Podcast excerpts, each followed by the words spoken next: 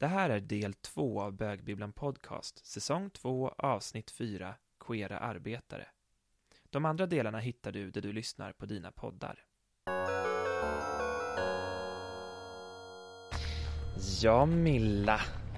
Nu sitter vi här i innerstan en solig söndag i mars. Hur Ja. känns det? Ja, det är helt otroligt. Jag känner mig som eh, när jag var liten och åkte från Örebro till Stockholm för att Ja. gå på stan. Så ställer man in- innanför tullarna.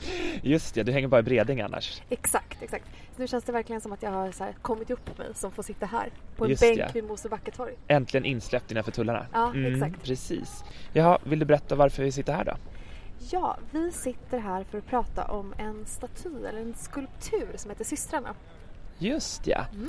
Och den står ju här på Mosebacke torg. Mm, En plats vi känner igen från litteraturen. Har du läst precis. något om Mosebacke någon gång? Ja, men det känns som att det är en plats som figurerar i många sådana här gamla gubbromaner. Så här, Per Anders Fogelström, hela det gänget, Strindberg gissar jag. Så en, en, en anrik liksom, plats med så här, tung, tungt litterärt arv. Exakt. Ehm, men vi är ju här av ett annat skäl, eller hur? Precis, vi letar ju efter queera spår i staden och vårt detektivarbete har fört oss hit. Berätta om den här skulpturen. Precis, vi sitter framför skulpturen Systrarna av Nils Sjögren. En marmorskulptur från 1945 eh, som eh, han gjorde på uppdrag av Stockholms stad. De bad honom att göra en Venus-skulptur. Mm. Men så blev det inte. Nej. Utan han på något vis ändrade sig under arbetets gång och valde istället att skildra två kvinnor vars eh, livsöden hade beskrivits intensivt i pressen. Mm. Precis, och varför han liksom valde, eller ändrade sig alltså från Venusskulptur till eh, de här två kvinnorna, och det förtäljer inte historien. Det är väl ingen som riktigt vet det. Men han höll på med det riktigt länge, i tio år. Precis. Eh, men, men berättelsen är väl att han blev fascinerad av de här kvinnornas öde.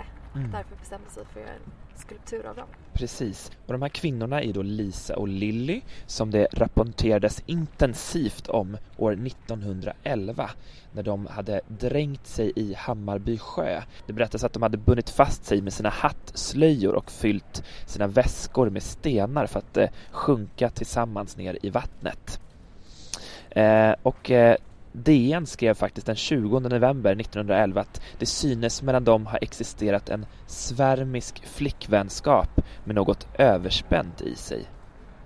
Ett citat som kanske skvallrar om att det var någonting lite ovanligt med deras livsöde. Det sägs i alla fall att i deras avskedsbrev så skrev de och bad sina föräldrar om förlåtelse och önskade att få ligga i samma kista. De blev inte begravda i samma kista men däremot bredvid varandra på Sandsborgs begravningsplats. Eh, och när de begravdes så trängdes 10 000 människor för att få passera deras kistor innan de bars till den gemensamma graven av 12 vitklädda flickor. Alltså kan du se bilden framför dig? Vilken mäktig begravning. Ja. 1911 i Stockholm. 10 000 människor, 12 vitklädda flickor bär deras kistor. Otroligt ändå. Mm. Okej, så men vad vet man om de här flickorna? Ja, alltså det finns lite olika tolkningar och berättelser. Man vet att de levde på Södermalm. Eh, en av dem arbetade som tjänarinna. Den andra arbetade som någon slags springflicka på ett apotek. Eh, de tillhörde arbetarklassen och verkar ha mötts i samband med någon slags eh, dans på någon dansbana. Något som var förbjudet vid den här tiden, där man smög sig ut för att få dansa med pojkar eller flickor. Och där ska då Lilly och Lisa mötts och blivit förälskade i varandra enligt vissa berättelser. Eh, andra berättar att de eh, väntade barn med samma man och att de med sprit lockade med honom på en roddtur där de på något vis överföll honom, kastrerade honom och därefter dränkte sig själva och han ska då ha hängt sig efteråt. Så det är en version av deras liv. Ja, men så det är liksom den ena tolkningen av historien. Det här med mannen som hängde sig i slutändan. Men sen har vi ju den queera tolkningen också. Mm. Och då kan man ju tänka på den här beskrivningen från 1911 i Dagens Nyheter. Att redan då verkar man ha sett någonting icke-heterosexuellt i. Precis, att det fanns någonting liksom svärmiskt och överspänt mellan de här flickorna också. Och eh, just det här att de ville begravas i samma kista. Väldigt eh, ovanligt kan man tänka sig. Ehm, särskilt för två liksom olyckssystrar som bara liksom legat med samma kille och blivit gravida. Eller, ja, det, det är mycket med det här, liksom, den liksom, historien som inte känns helt logiskt, tycker jag. Men eh, Max, eh, vad kan du se för queert i den här skulpturen? Mm. Mycket bra fråga. Nakna kvinnokroppar har vi sett mycket av i konsthistorien. Eh, Det vi ser på här är en kvinna lite längre som håller liksom sina händer bakom sitt huvud. Det skulle kunna tolkas som både en erotisk position men också en ganska sårbar position. Eller så att de tvättar håret. Eller som att de tvättar håret. Eh, Och den andra kvinnan håller i någon slags krus kanske? Vattenkanna nämnde du förut. Ja, precis. Det ser ut som någon typ av vattenkanna, kruka. Och att det är den som för tankarna till att det ska vara någon typ av badtvättssituation här.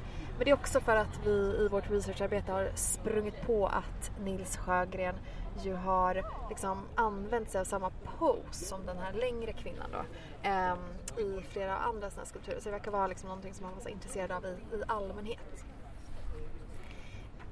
Kvinnorna står liksom, de är nakna båda två. De står liksom eh, med ryggarna mot varandra. Liksom, inte riktigt rygg mot rygg men, men tydligt vända mot varandra. Så det finns liksom som en, ja, men, helt klart en tillit mellan dem. Att man behöver liksom inte se, se sig om ryggen på något sätt för att känna sig trygg. Eh, och eh, precis som du är inne på, alltså möjligt så, en sårbarhet men, men in, inte en liksom helt tydlig erotik. Eller vad säger du? Nej, precis. Och deras ansiktsuttryck är ju ganska sådär samlade och lite allvarliga kanske. Så det är liksom en, en staty som är lite svårtolkad om man inte riktigt har bakgrundshistorien, skulle man Mm. kunna säga. Precis. Och om man bara känner till namnet, alltså systrarna. Ja, men, och den är liksom placerad här nu mitt på ett torg eh, utanför liksom ett av de kanske mest ikoniska nöjesetablissemangen i Stockholm. Eh, Södra Teatern och Mosebacke eh, som har varit under så här mer än hundra år. Och det är liksom på något vis intressant att man kan ju tänka på ett sätt, ja ah, systrarna, han kanske på ett sätt så här eh, döljer deras queera berättelse men samtidigt så finns de ju här på en sån här liksom symbolisk plats så står de i centrum. Det är ju ändå någonting starkt med det. Precis, för de bodde ju på Södermalm båda två. Och eh, det kanske var här de träffades på dans. Ja, men, och på så vis tycker jag att det känns här eh, som en stark grej att komma hit och se det här konstverket just eftersom det är så här queerhet som får ta plats i rummet så tydligt så. Eh, och man önskar ju liksom, man känner liksom att man vill återupprätta deras ära och heder och, och att de, eh, Lisa och Lill inte ska vara bortglömda här. Eh, utan att liksom alla queer ska känna till deras berättelse, deras historia. Mm. Precis, Mia Lodalen har ju skrivit en bok om dem. Just ett försök att göra det här. Och jag har lyssnat på Mian Lodalens Lisa och Lilly som hon ju läser in själv. Tänker liksom att det är en så viktig berättelse just för att det kanske är en av de så tidigaste berättelserna om queerhet i arbetarklassen. Eh, och jag tycker faktiskt att eh, Mian Lodalen lyckas bra med sin tolkning av deras livsöden. Som ju inte är en biografi utan hennes skönlitterära tolkning. Och för er som har vägarna förbi Slussen i Stockholm så är det bara backen upp från tunnelbanan upp mot Mosebacke så kommer ni se Lisa och Lilly ta emot er här uppe på krönet.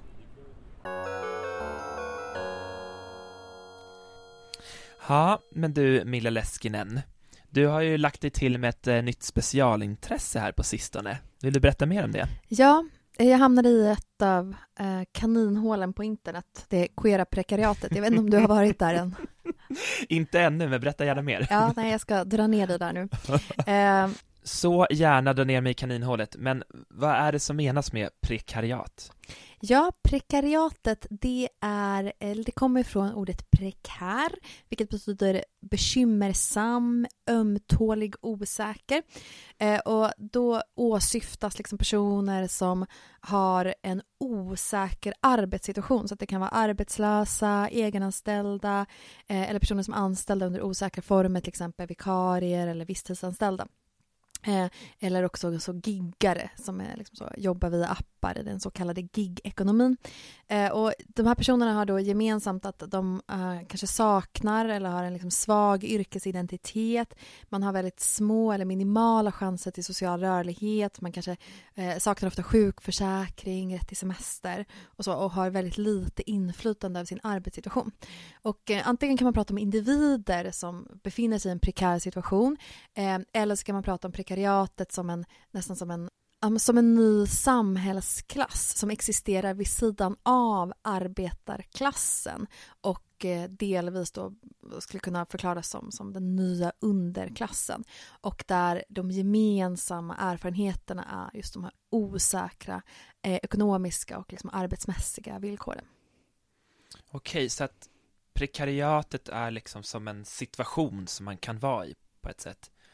Och, och hur hänger prekariatet ihop med queerhet? Mm. Eh, tänk att eh, man kan se det på lite olika sätt, men dels så kan queera personer vara eh, befinna sig i prekariatet och gör ofta det.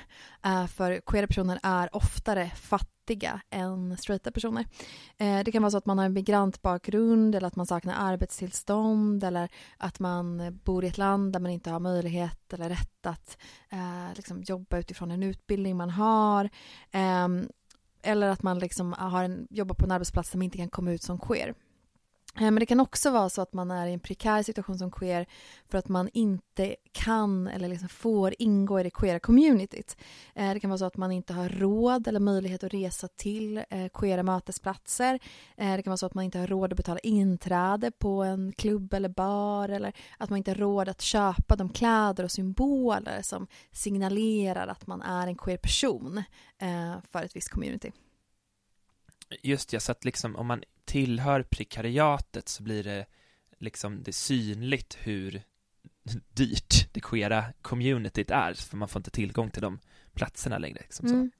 Ja, absolut, så, så kan man verkligen se det.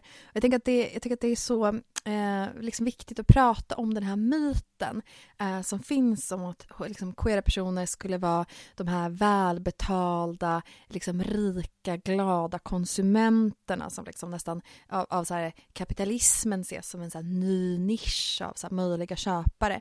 Eh, för att det, och den här myten är skadlig för att den osynliggör ju den faktiska realiteten.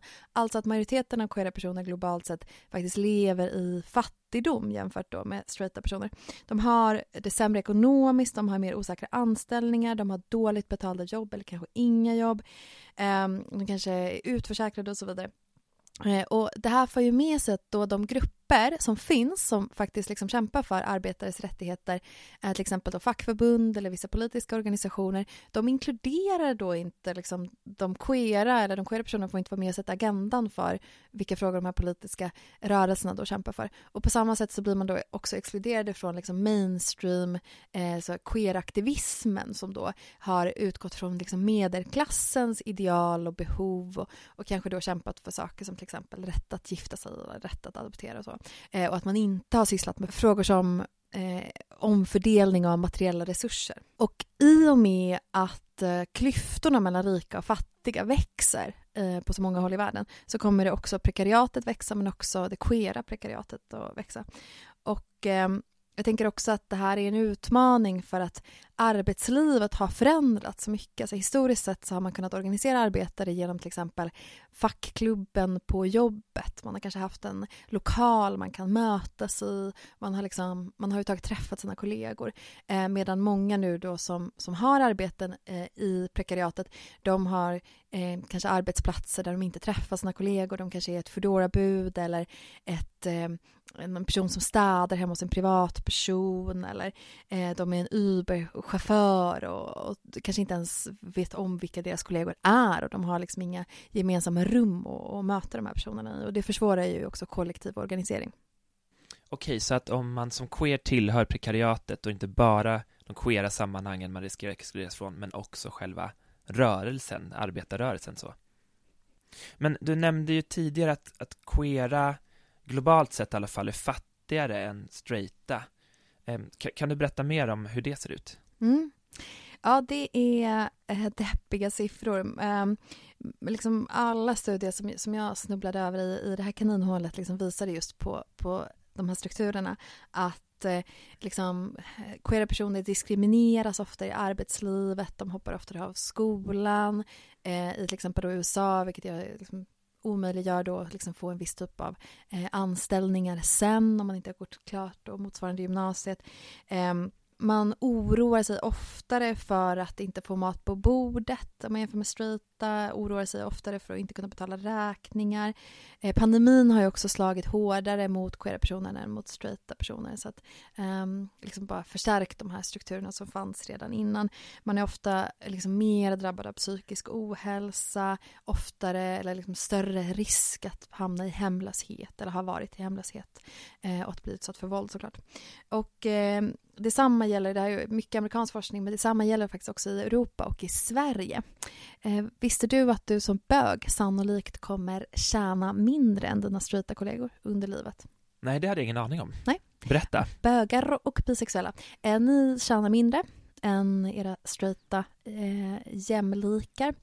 Eh, och lesbiska tjänar faktiskt lite mer. Också lite fördomsfullt. Hypotesen där var att det är för att lesbiska är mindre sannolika att få barn eh, och att man då kanske ses som en person som är mer investerad i sin karriär. Men också att de är lite mer manhaftiga, så stod det i den här artikeln i alla fall.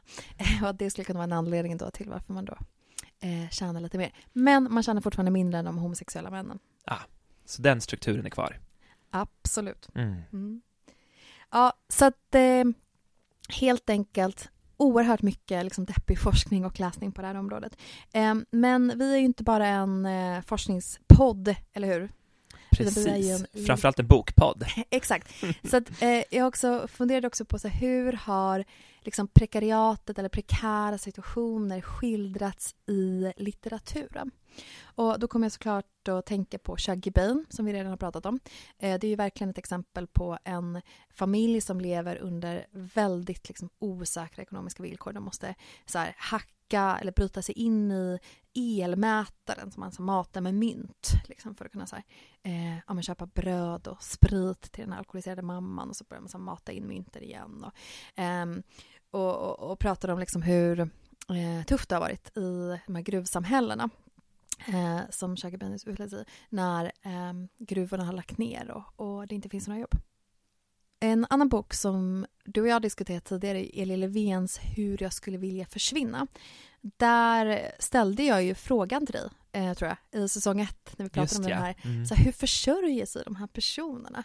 Det är bara en massa olika queers som bara bor i New York och bor i Berlin och ingen verkar ha ett fast jobb.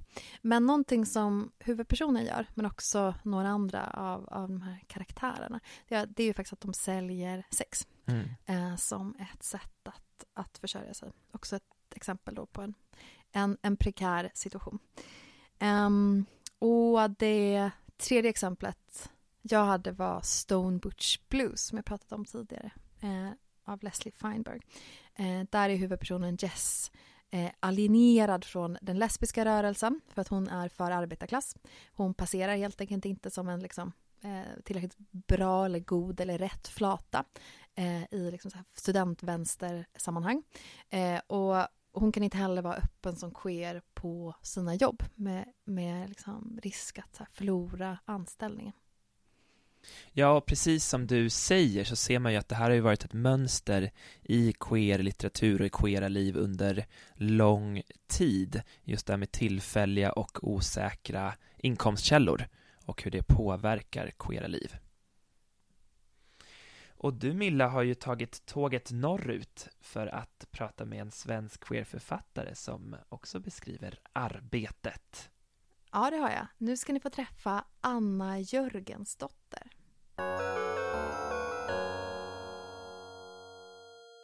Hej Anna Jörgensdotter, välkommen till Bögbibblan podcast. Så himla... Tack så mycket. Ja, så himla kul att du vara med på länk all the way från Gävle. Ja, precis. Det tycker jag också. Det är kul. Berätta, vem är du? Ja, jag eh, heter ju egentligen Anna Sambaresa eh, men har kvar Jörgensdotter som mitt höll på att säga, artistnamn, författarnamn. Just det, så berätta mer om din artistkarriär eller ditt författarskap. Mm. Ja, jag debuterade ju 2002 med en roman som heter Pappa Pralin och sen har jag gett ut eh, flera romaner, två diktsamlingar och ett par fackböcker. Och sen har jag också varit redaktör för olika antologier och eh, jobbar som eh, frilansskribent och skrivpedagog. Mm. Precis, och det är också så eh, du och jag har bekantat oss med varandra. Du är ju min skrivarlärare. Ja, ja en utmärkt sådan. Ja, ja, tack så mycket. Mm. Verkligen. Eh, men det här avsnittet handlar ju om queer arbetarlitteratur. Eh, och mm. eh, jag tänker att Sverige har ju en ganska stark tradition av att producera arbetarlitteratur.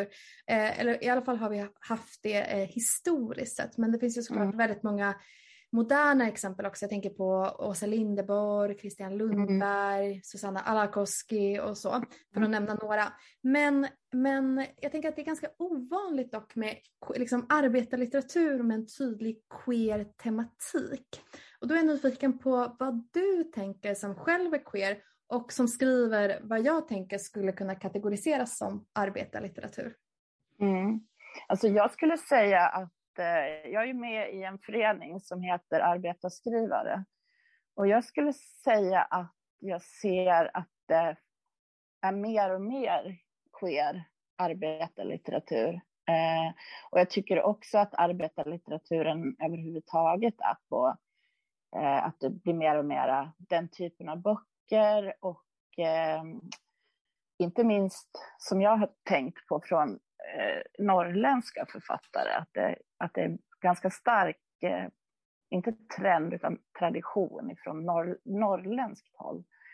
Men jag, jag tycker nog att, att jag ser att det har öppnats upp mer och mer och det tror jag handlar om att vi lever i ett sånt samhälle där allt fler eh, blir jävligt less på eh, vad vi lever i för system och vad vi lever inom för normer och mallar och att man vill spränga sig ur det där. Och där har ju, om man ska separera queer-litteratur och arbetarlitteratur så är, har man ju samma eh, det, finns ju, det finns ju liknande syften och behov av att liksom just spränga normer och eh, prata om saker, kanske lite mera på riktigt, hur människor lever som inte är, lever i eh, heteronormativa eh, medelklass, kärnfamiljer. Så, utan att, och det är också, tänker jag, att det är många...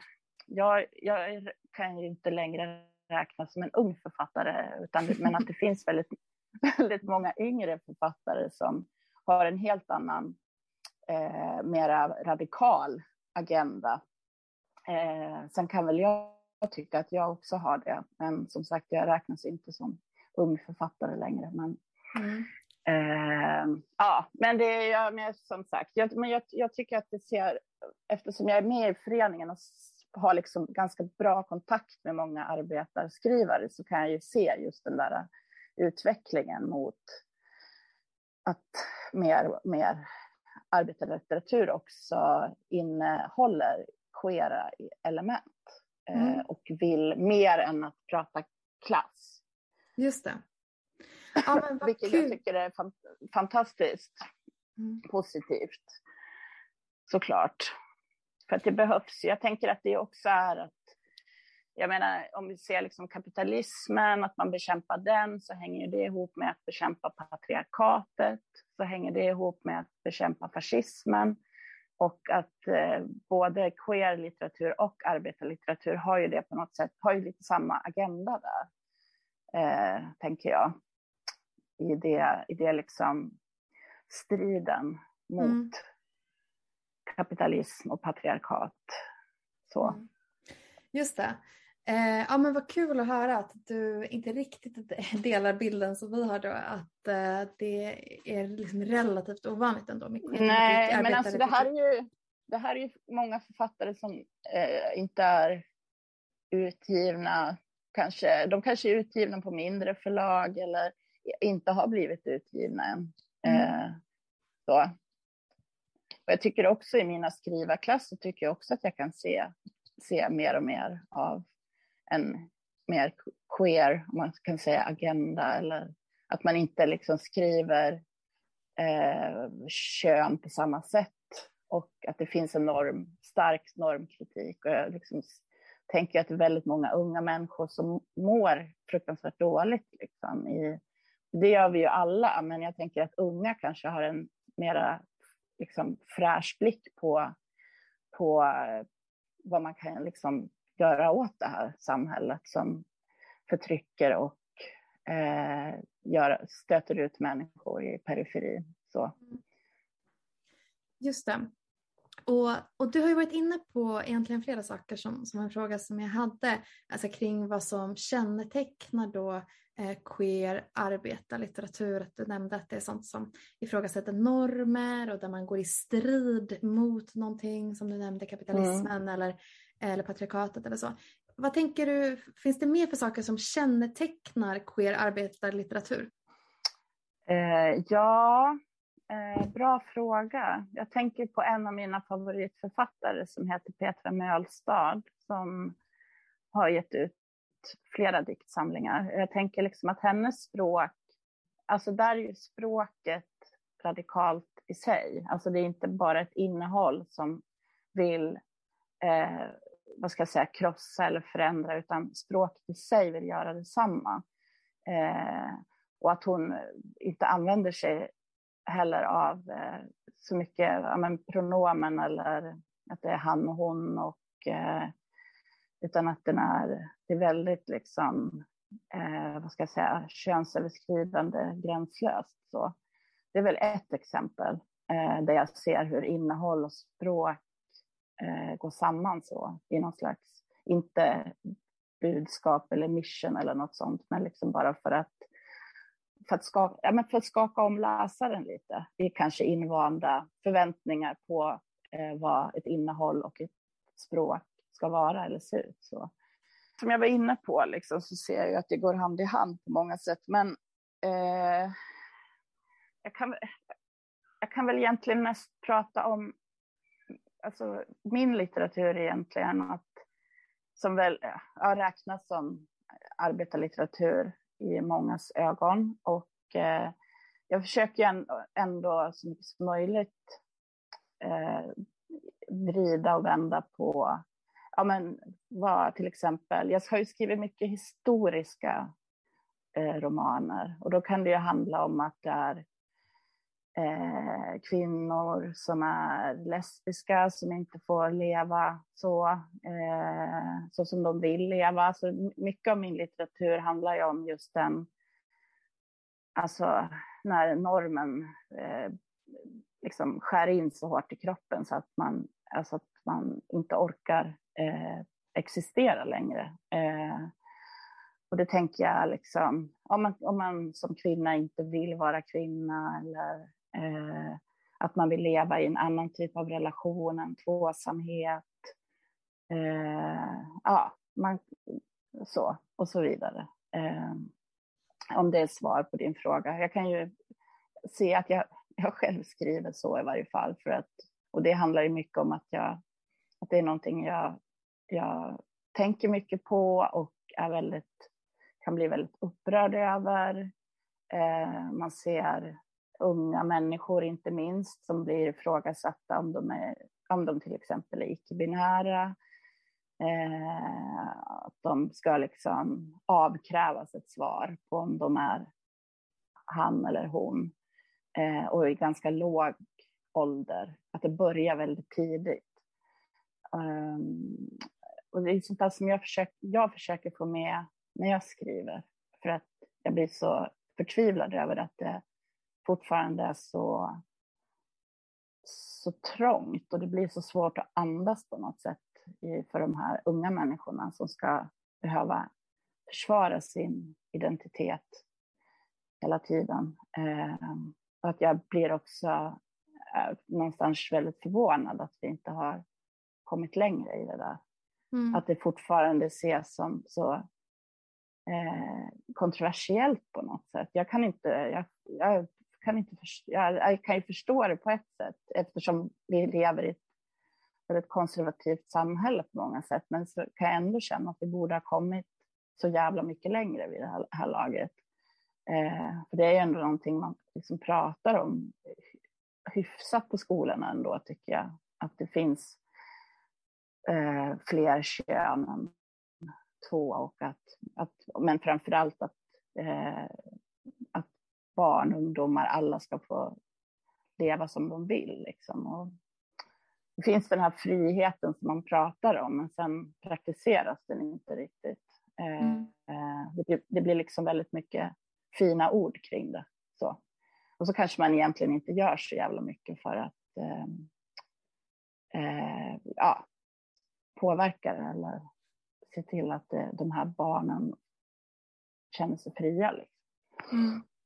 Men som sagt, det är ju liksom någonting som jag, eh, som jag tycker är viktigt att skriva om och eh, att eh, också såklart liksom skriva om eh, ja, men vad det gör med, med människor. Alltså hur man mår av att trängas in i en norm. Eh, och eh, hur fruktansvärt utmattande det blir. Så. Mm. Så skulle du säga att, det, eh, att du skriver för att liksom på något sätt förändra eller påvisa de här normerna, men skriver du också, eh, är det din tänkta läsare, unga kanske då Nej, personer? Nej, det är det inte. Nej. Absolut inte. Det, eller absolut inte, ska jag inte säga. Det kan du ju, jag tänker ju att det är, eh, jag har ju skrivit så många böcker, men eh, den, ja men Solidarer, jag tänker att den kan läsas från, ja inte vet jag, 15 år uppåt. Det, jag har liksom ingen, men det är väl mycket oss äldre eh, som jag vill liksom vi ska tänka om så att barnen får det, får det lättare. Liksom. Det är väl mer så kanske jag tänker. Just det. Mm. Och, mm.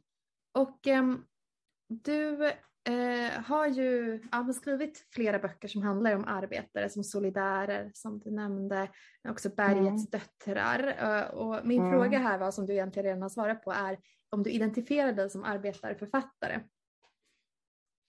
Ja, alltså jag gör ju det i så mån att, som du säger, att jag skriver om eh, arbetare, men också tycker jag att arbetarlitteratur är att skriva om människor som är eh, utsatta i samhället. Jag skriver ju mycket om asylsökande och papperslösa. Eh, och för jag menar, det måste ju inte vara att det handlar om arbetare, utan mer att det är människor som inte kanske riktigt får vara med i samhället eh, så som andra får. Eh, kanske mer än då att jag skriver om någon eh, ja,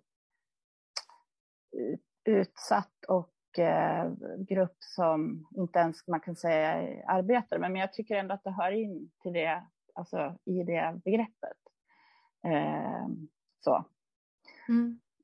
Att det hör samman med arbetarlitteraturen, för det är ju liksom en arbetarlitteratur handlar ju om klass. Eh, så. Och jag skriver väl om någon form av kanske mera underklass eller någon som, ja, som inte ens kommer in på, ett, på en arbetsplats. Liksom. Eh, så.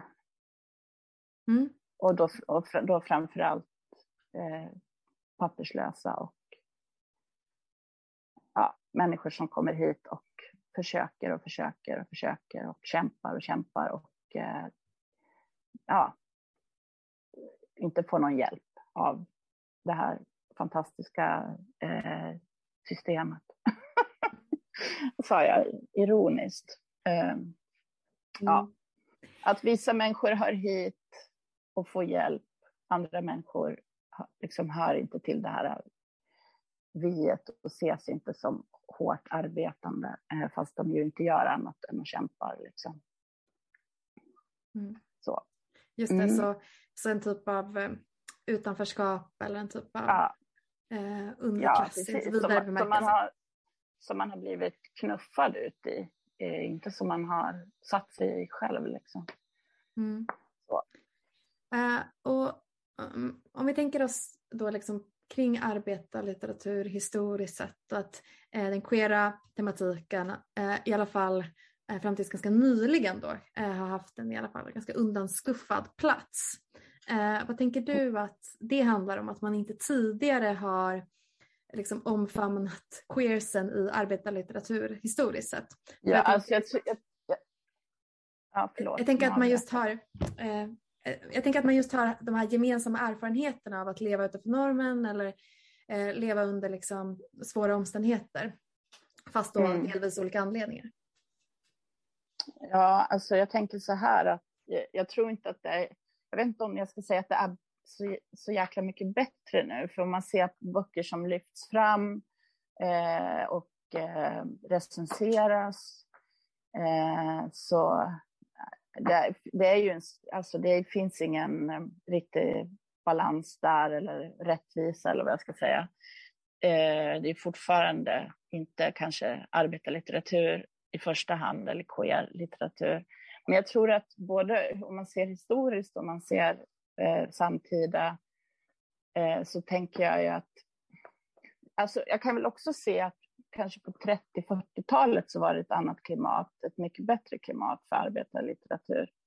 Och det hade, väl, det hade ju mycket att göra med att eh, liksom, socialismen var ju mera väl ansedd då.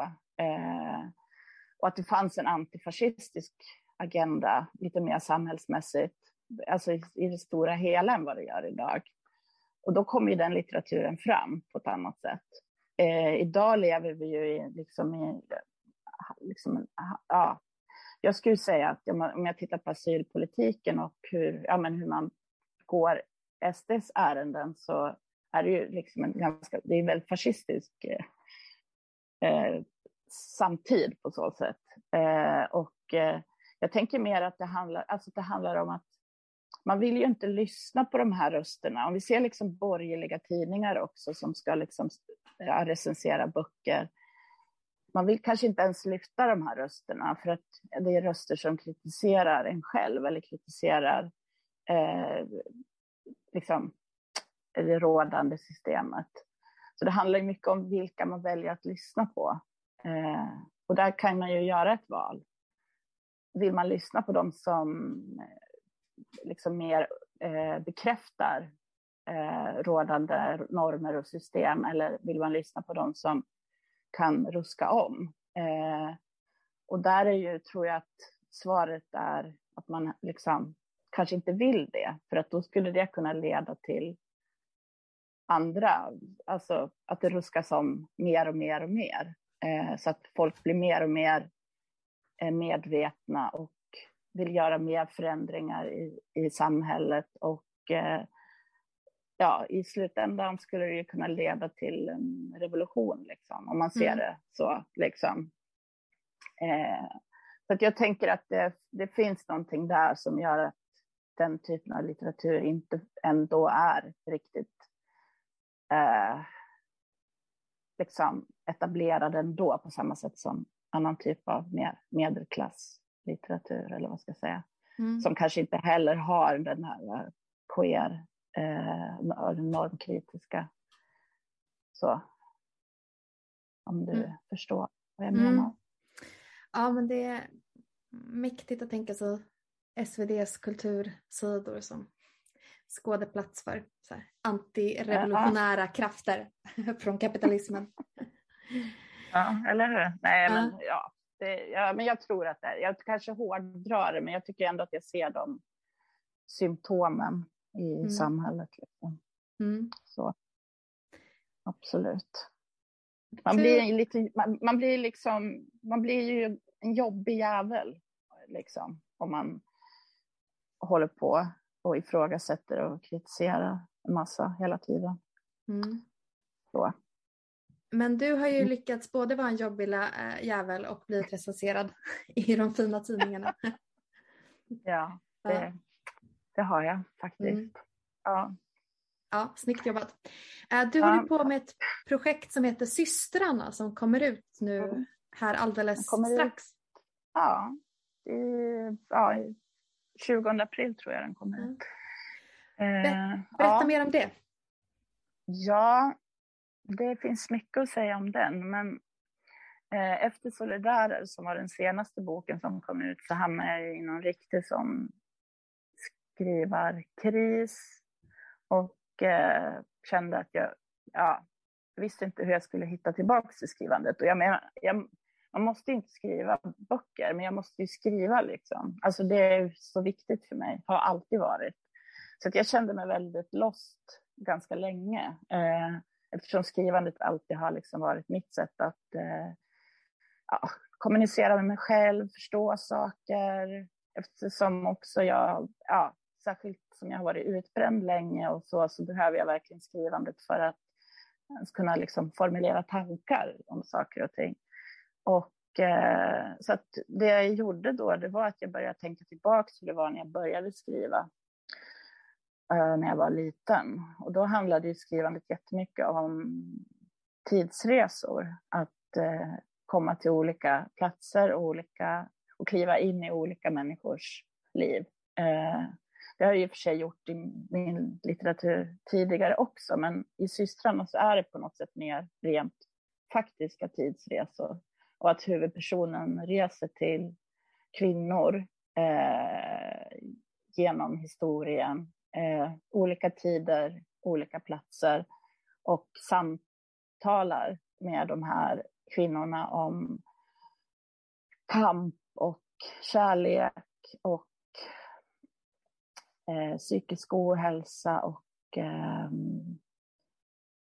eh, ja, sånt som huvudpersonen behöver prata om. Eh, och så återvänder hon till sin balkong och lever sitt liv i Gävle och eh, har ganska svårt att hitta en bra väg i tillvaron. Eh, missbrukar relationer och eh, försöker liksom eh, ganska aktivt och medvetet komma ur gamla mönster men faller tillbaks hela tiden. Och så återvänder hon då till någon syster för att prata om det och så får hon med sig lite perspektiv och kraft. Eh, så att, ja, och sen, sen så blir det bättre och bättre. och så slutar allting lyckligt. Nej. Eh, men så att det är ju liksom, hon, hon åker till, jag ska tänka några, sen är det också att kvinnorna kan komma hem till henne helt plötsligt, sitta på hennes balkong, eh, eller stå, ringa på dörren eller ja, så. Och vilka är de här kvinnorna? Ja, det var det jag tänkte komma till då. Det, är ju, ja. eh, det finns ju, det är ju jättemånga, men det är ju det är ganska många författare och aktivister. Bland annat så besöker hon Sylvia Rivera och pratar även med Marsha P Johnson i New York.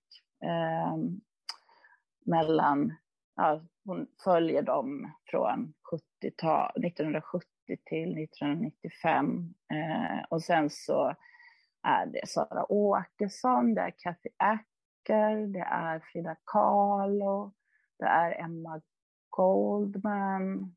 Eh, och hon besöker inte Bell Hooks, men hon har ändå något samtal med sin en god vän om Bell Hooks. Så det kommer liksom med från olika håll, eh, kvinnor. Och eh, Sen åker hon också till Spanien. Jag har ju svårt att komma bort. Det var ju där jag var i Solidarer. Så hon åker till revolutionen i Barcelona och pratar med, med en kvinna som heter Adam Marti som var väldigt viktig eh, där i Barcelona då, 1936, 37, 38. Så. Eh, får med sig olika redskap och får ganska mycket kritik också. Liksom. Eh, så att, eh, ja, det är liksom samtal med de här kvinnorna. Mm. Ser verkligen fram emot att läsa den. när den kommer. Ja, mm. vad roligt. Jag hoppas att den ska falla i god jord. Har du några tips på arbetarlitteratur med queer-tematik? Ja, då har jag ju redan tipsat om Petra Mölstad, men jag, jag, känner också att jag vill säga hennes, rekommendera hennes poesi igen. Eh, det känns viktigt att, Eh, säga också att, att det finns väldigt, eh, alltså det kommer fram väldigt mycket mera queer poesi också. Så det är liksom inte för jag läser, jag läser ju väldigt mycket poesi. Eh, jag skriver ju inte så mycket poesi, men det känns viktigt att lyfta poesin överhuvudtaget. Så. Och sen så är det ju Audrey Lorde som också är med i Systrarna. Eh, och hennes eh, Your silence will not protect you, som jag har haft lite som en bibel eh, och antecknat sönder. Och det är, det är kanske, ja, den är viktig på så, så otroligt många sätt. Hon skriver ju om eh, allt möjligt. Liksom. Hon skriver om att vara eh, lesbisk, svart, eh, aktivist, intellektuell och hur jävla tufft eh, det var för henne. Liksom. Eh, så många gränser att krossa, liksom, eller korsa. Eh, och skriver om erotik och kamp och skrivande. Eh, så det är ju verkligen, hon, ja, det är så mycket, hon säger så mycket som man kan bära med sig oavsett om man är, ja, oavsett vem man är egentligen. Så. Eh, och sen finns det en författare som heter Adrienne Mar Brown, Mare Brown, som har skrivit flera böcker och en bok som jag verkligen rek rekommenderar heter Pleasure Activism. Eh, som handlar om ja, som handlar om det, alltså att man ska att det är liksom aktivism eh, som handlar, och det skriver ju Audre Lorde också mycket om det här med radikal självomsorg och det är väl någon slags i Adrians bok också att, att liksom hitta sätt eh, stärka sig själv för att man ska orka liksom, med kampen. Så. Eh, och orka ingå i ett kollektiv eh, med andra människor, om det är queer aktivism eller om det är eh, antifascistisk, ja, vad det nu är. Så, eh, så den, hon har skrivit många fler jättefina böcker och hon skriver på ett sånt hon skriver så personligt och samtidigt väldigt utåtriktat. Eh, så det är väldigt skönt att läsa henne. Och det är också en queer eh, person. Så. Mm. Stort eh, tack för de tipsen. Audrey Lord har vi faktiskt med lite senare här i programmet. Ja, men... vad spännande. Ja, de andra ja. har vi inte nämnt, så tack för det. Nej, varsågod. Mm. Jättestort tack för att du ville vara med i Bögbilen podcast, Anna. Ja, men jättekul att vara med. Mm. Och eh, lycka till nu med releasen av Systrarna. Hoppas ja, du... tack så mycket. Jag, jag vill verkligen att, att, att den ska hamna i rätt händer så att människor kan känna sig stärkta av den. Mm. Så, det känns jätteviktigt. Mm. mm. Så hoppas vi på revolution på SVDs kultursidor nu. Kommer ut. ja, absolut. Revolution mm. längtar vi efter. Mm. Mm. Okej, stort tack för att du var med. Tack så mycket. Jag tänker att eh, en sak som är central i arbetarlitteraturen det är skildringar av själva arbetet. Alltså dels liksom arbetets villkor som vi har varit inne på tidigare men också så hur och på vilket sätt man utför sina arbetsuppgifter. Precis, jag har också funderat på så här, hur ser det queera arbetet faktiskt ut? Eh, och den bok jag kom att tänka på först var Dagar utan slut av Sebastian Barry som utspelar sig under det amerikanska inbördeskriget.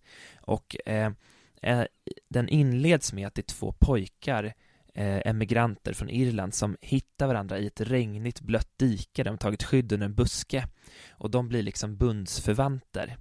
Eh, och de får eh, möjlighet att försörja sig genom att i klänningar eh, dansa på olika pubbar med män. Eh, och det är liksom här, det är ett exempel på ett eh, slags iscensättande av kön eh, som gör en försörjning möjlig så trots att alla egentligen vet att det här är pojkar i klänningar så, så väljer man liksom att tro på den illusionen och det ger de här pojkarna möjlighet att försörja sig. Och det här är ju ett exempel på en liksom queer position som möjliggör arbete. Och det är en slags tematik man kan se, tänker jag, i queer-litteratur. Och en annat tematik på, i queer-litteratur, det är ju själva arbetsplatsen. Eh, och då tänker jag på exempelvis Mats Ananda Lodals bok Sauna som ju utspelar sig på en bögbastu där själva platsen, ar själva arbetsplatsen redan är liksom queer-kodad eller bögkodad så. Eh, och eh, det här är en plats som uteslutande då eh, har män som eh, kunder så. Eh, och det är ett exempel på en homosocial miljö. Och just homosociala miljöer är någonting som eh, finns i fler queera skildringar av arbete. Jag tänker till exempel på Bengt Olsson som skrivit en bok som heter De dubbelt så bra som handlar om två pojkar som arbetar inom det svenska skogsbruket i början av 1900-talet. Eh, och skogsbruket vid den tiden var ju typisk homosocial miljö där man låg ute i skogen och arbetade med sitt arbetslag liksom i flera veckor eller månader. Eh, och även om homosexualitet inte var accepterat så var det ändå en plats för män att mötas på. Eh, och ett annat sådant exempel som inte är skönlitterärt utan facklitterärt är eh, Arne Nilsson som skrivit boken Sonna som handlar om männen som arbetar på Amerikabåtarna eh, där det var en stor majoritet homosexuella män som liksom sökte sig dit men där de också var eftertraktade Just för att man liksom kunde skicka frun över Atlanten och man var säker på att det inte skulle ske något fuffens liksom på vägen. Eh, så det är exempel på homosociala miljöer där, eh, där homosexuellt arbete på något vis har kunnat finnas. Mm. Ja, jätteintressant. Jag tänker eh, ytterligare ett sådant exempel som, som beskrivs ibland i litteraturen är arbetsplatser eh, som karaktäriseras av att det är personer som skulle ha svårt att liksom få jobb eller som inte kan försörja sig på något annat sätt liksom hamnar på men av olika skäl. Och då tänker jag till exempel på eh, Ocean Wong när eh, huvudpersonen där Little Dog börjar jobba på fälten Uh, om jag inte minns fel så kallar de det för, för Förenta Nationerna eller benämner det så för att det är så många olika språk som talas på, på den platsen. Och det är liksom papperslösa, det är uh, ja, Little Dog själv då som är queer, um, en sexförbrytare som inte kan eller får jobb någon annanstans som um, har den gemensamma erfarenheten då av att liksom jobba under de här väldigt, väldigt tuffa eh, omständigheterna.